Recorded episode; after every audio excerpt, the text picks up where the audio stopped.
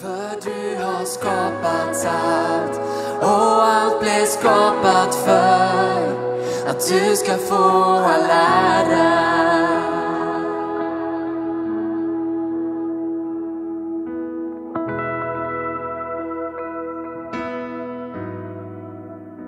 Underbart att få prisa Gud tillsammans. Vi bara tar och fortsätter rikta vår blick mot honom. Jesus han är här idag, han vill tala till dig och mig. För han har kallat dig och mig till att få leva med honom och för honom. Han vill, han vill inte bara verka i dig utan också genom dig. Så bara tacka dig Jesus för den här eh, gudstjänsten. Jag ber Jesus att du ska få göra ditt verk i våra liv. Tack Jesus för att du bara vill sända ut oss och få vara dina ljus och dina vittnen. I Jesu namn. Amen. Amen. Idag så tänkte jag fortsätta på det här temat som jag predikade om tidigare, inifrån och ut. Men man kan säga att det här är en del två. Om den förra första delen här fokuserar på vad Gud vill göra i dig och mig, så handlar det här mer om vad han vill göra ut genom dig och mig. Eh, vi läste ju förra, förra gången eh, Galaterbrevet eh, 5 eh, och vers 13. Vi kan ta den igen bara som en liten eh, startpunkt. Det står ni är kallade till frihet bröder. Låt bara inte den friheten ge köttet något tillfälle utan tjäna varandra i kärlek. Idag kommer vi eh, lägga fokus på det här med att tjäna varandra. Att tjäna varandra det, det liksom bygger i själva begreppet att vi har en gemenskap, att det finns relationer. Fiendens strategi mot dig och mig är alltid isolering. Och det får man väl ändå säga att det här, det här årets eh, upplevelser av vad isolering innebär, att man inte får träffa varandra som, som, som tidigare. Hur jobbigt det verkligen är. Och Därför så det är det uppenbart att, att covid-pandemin verkligen är inte från Gud. Men för vi är här skapade för relationer, vi är skapade för gemenskap. Och jag tror att vi, vi måste inse och förstå att vi kommer aldrig kunna göra det Gud har tänkt att vi ska göra om vi inte gör det tillsammans. För att tillsammans så kan vi göra så mycket mer än vi kan på egen hand. Tillsammans så är vi starka och tillsammans kan vi växa och tillsammans kan vi blomstra. Jag är så tacksam att få en del av den här kyrkan och få vara en del av ett herdeteam där vi liksom kompletterar varandra och har olika funktioner och ansvar. Jag är också så tacksam för alla ledarteam som jag har i, i de områden som jag ansvarar för i kyrkan. För att själv så kan jag inte mycket, men tillsammans så kan vi så mycket mer när vi tjänar varandra i kärlek. Eh, jag skulle bara vilja ta, gå tillbaka till Filipperbrevet eh, kapitel 2. Faktiskt. Vi, vi, läste också det tidigare, eh, men nu ska vi hoppa fram några verser. Så ni vet, vi, vi har tidigare tittat på Jesu exempel, hur han verkligen kom, eh, lämnade sitt gudomliga majestät för att frälsa oss genom att han dog på korset. Och Då ska vi ta vid här, vers 12, där det här eh, tidigare stycket då har slutat precis. Och det börjar med ordet därför. Därför så vill jag påminna dig om sammanhanget innan. Så, så här, därför mina älskade, ni som alltid har varit lydiga, inte bara när jag var hos er, utan ännu mer nu när jag inte är hos er. Arbeta med fruktan och bävan på er frälsning, för det är Gud som verkar i er, både vilja och gärning, för att hans goda vilja ska ske. Gud, han vill verka i och genom dig. Och det är så, för mig har det här, de här verserna genom mitt liv varit en sån uppmuntran och gett mig så mycket hopp. Att veta att ja, men jag kan få vandra i Guds vilja. Jag kan, få, jag, jag kan göra saker, inte på grund av mig själv, utan på grund av därför att Gud är den som verkar i mig. Och han verkar fram sin vilja och genom min vilja och min gärning. Och Ibland så har vi ganska lätt att så här, eh, bli oroliga. Bara, men, vad är Guds vilja för mig? Tänk ifall jag väljer fel? Jag kan bara uppmuntra dig. Om du har ett hjärta som är vänt till Gud, som sagt Jesus jag vill följa dig. då kan du bara vara trygg i att han kommer verka sin goda vilja i dig. Varför säger du så Johannes? Jo, men jag tror att det är så här. Att det i oss som Gud faktiskt har lagt ner i form av gåvor, personlighet, saker som vi liksom bär med oss kan också på något vis ge oss en liten hint kanske om vad Gud har tänkt för våra liv. Och då om det växer då fram en vilja eller önskan i oss som vi vet, okej, okay, här, det här drömmer jag om. Och det här faktiskt i slutändan ger Gud där och inte mig. Då kan vi ändå vara trygga i att okej, okay, det är Gud som verkar sin goda vilja i oss. Sen självklart ska vi be om hans tilltal och vägledning, det är inte det jag talar om.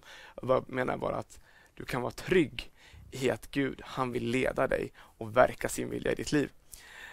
Men i alla fall, de här verserna talar om att vi ska faktiskt göra någonting. Vi ska arbeta på vår frälsning. Och man kan, man kan faktiskt även nästan översätta det som arbeta ut vår frälsning. Så har att någonting ska komma ut som faktiskt Gud verkar i oss. Och Det är det vi lite grann ska ta, lägga fokus på idag. Och Visst är det ändå hoppfullt att veta att den Gud som har frälst oss, han fortsätter verka i oss. Amen. Mm. Jag tänkte faktiskt att vi, att vi också den här söndagen ska komma till och besöka Markus evangeliet igen. Eh, och Den här gången kommer vi slå, slå, slå ner i det sjätte kapitlet. Eh, och Då läser vi från vers 30. Och Det börjar precis efter att apostlarna då har kommit tillbaka så hade sänt ut dem två och två. Vilket också tänker jag säger oss någonting om att det här med att få tjäna i gemenskap. Att Jesus vill, när till och med han sänder ut apostlarna så sänder han ut dem två och två.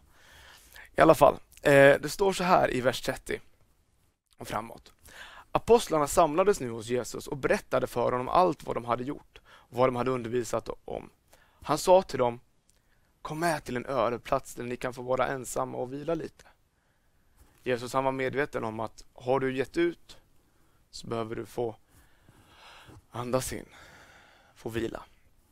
Men det som händer är det här. Det var så många som kom och gick att de inte ens fick tid att äta. De gav sig av i båten till en öde plats för att vara, för att vara på, för sig själva. Men folk såg att de for iväg och många fick veta det och de skyndade dit till fots från alla städerna och kom fram före dem. När Jesus steg ur båten såg han en stor skara människor.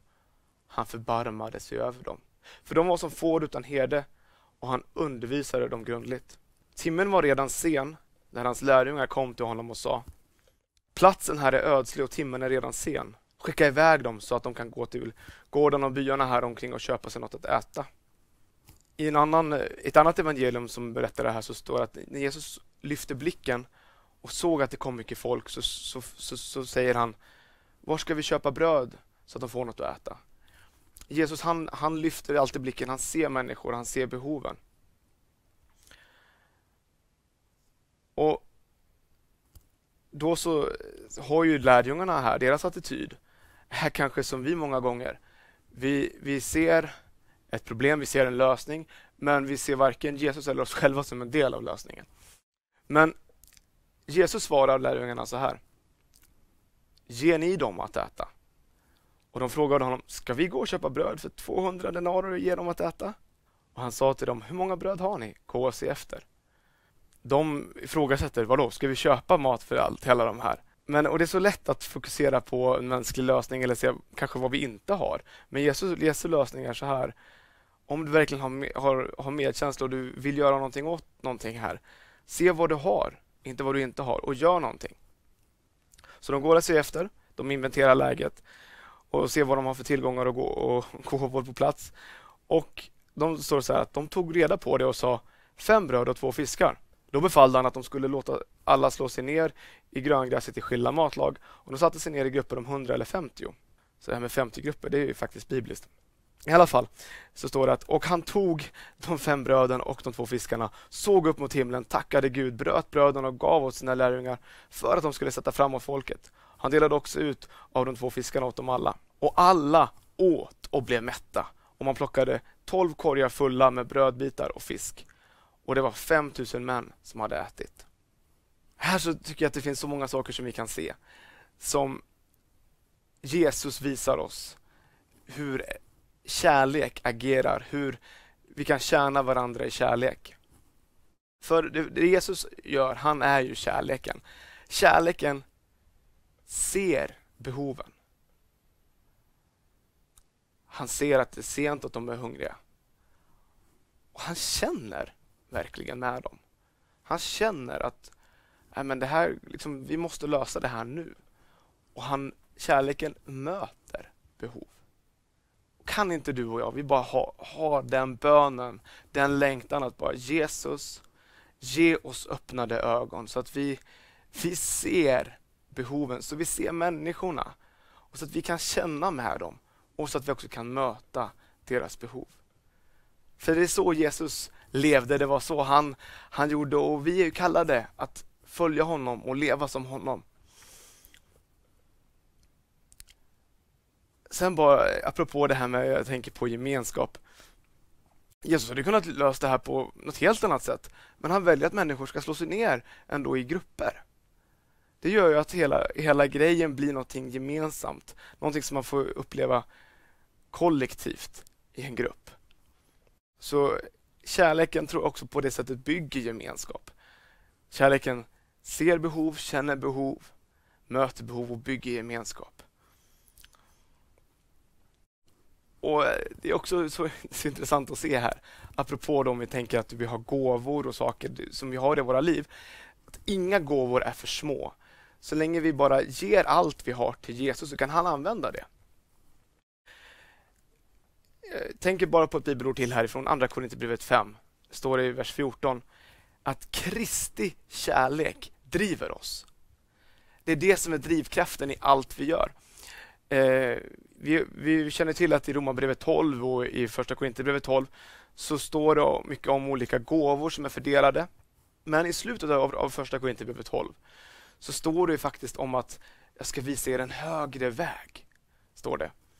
Och den högre vägen, den osjälvisk utgivande kärlek. För efter det så kommer kärlekens lov i kapitel 13. Så att när, vad den vi gör, hur vi än tjänar, så är det kärleken som är drivkraften. Det är kärleken som gör att vi gör det vi gör. Och Det gör att när vi tjänar andra i kärlek så kan vi frivilligt stiga åt sidan och hjälpa andra att komma fram. Och Vi glömmer oss själva på det sättet att vi hjälper fram andra istället. Jag skulle vilja att vi också går till första Petrus eh, och kapitel 4, vers 10. Och här står det så här. Det står faktiskt exakt samma sak som vi läst tidigare här. Att tjäna varandra, var och en med den nådegåva han har fått som goda förvaltare av Guds mångfaldiga nåd. Det här tänker jag säger oss att Guds nåd tar sig uttryck på väldigt många sätt. Och vi har alla fått olika gåvor, både andliga och mer naturliga. Men vi ska använda våra gåvor vi har fått till att tjäna varandra. Och då tänker du så ja, men okej, hur ska jag kunna tjäna? Hur ska jag kunna använda mina gåvor? Ja, men det vi talar om att kärleken ser behov, ja, men försök hitta ett behov. Eller som du kan få möta, eller hitta ett sår som du kan få med och förbinda eller läka. Och har du ingen så här som du liksom naturligt kan leta upp, ja, men kom till kyrkan. Haka på något team eller hjälp till på onsdagskvällarna på integrationscaféet där det kommer människor hit.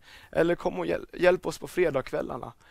Det kommer ungdomar som inte kommer från kyrkan som kommer till oss. De kan du få betjäna. Eller på söndagskvällarna där dit också kommer nya människor. Bara låt ditt hjärta vara så fullt av kärlek att du bara vill söka upp människor, söka upp behov. Därför att Gud har fått fylla dig med sin kärlek och den kärleken får driva dig. Jag tror också det är så väldigt mycket så att, att när vi tjänar varandra och lever i den här gemenskapen så växer vi tillsammans på ett sätt som vi kanske inte, som vi inte skulle göra på egen hand. Eh, Jeremia 17.8 talar om, om hur eh, vi är som kan vara som träd som inte, inte räds när hettan kommer därför att rötterna går djupt. Och De här rötterna de verkligen flätas samman och de bär upp varandra. Och Så tror jag att det är, med oss i, i kyrkan. Det är liksom något organiskt. Vi, vi hjälper varandra, vi stöttar varandra och på det sättet så kan vi växa. På det sättet så kan vi bära frukt. Vi behöver varandra. Så tro inte på lögnen som säger att du inte behöver någon annan eller att din insats inte räknas eller, eller betyder någonting. Varenda roll spelar roll. Varenda, var och en av oss har någonting att bidra med.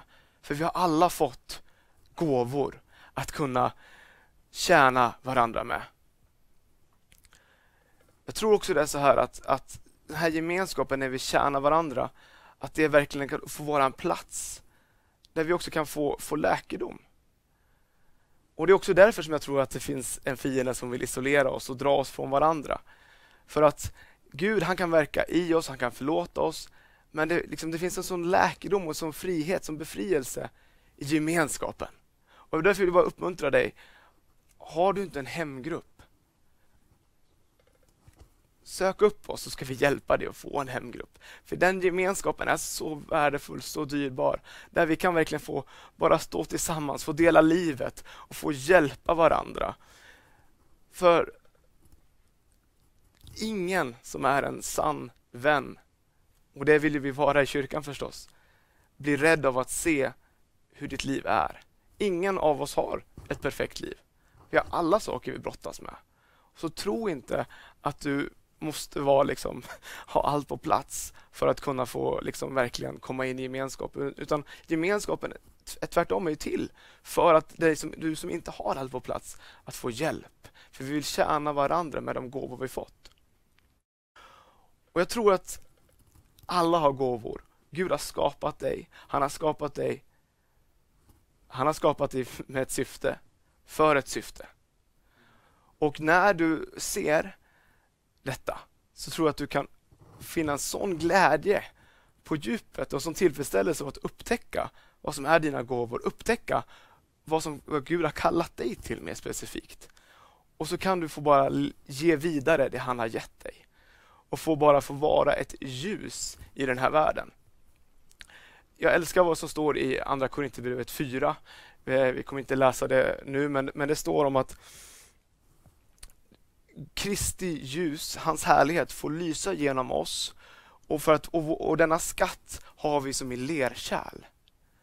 Så det här ljuset kommer inifrån och ut. Det är Kristus i oss, härlighetens hopp. Så inifrån och ut.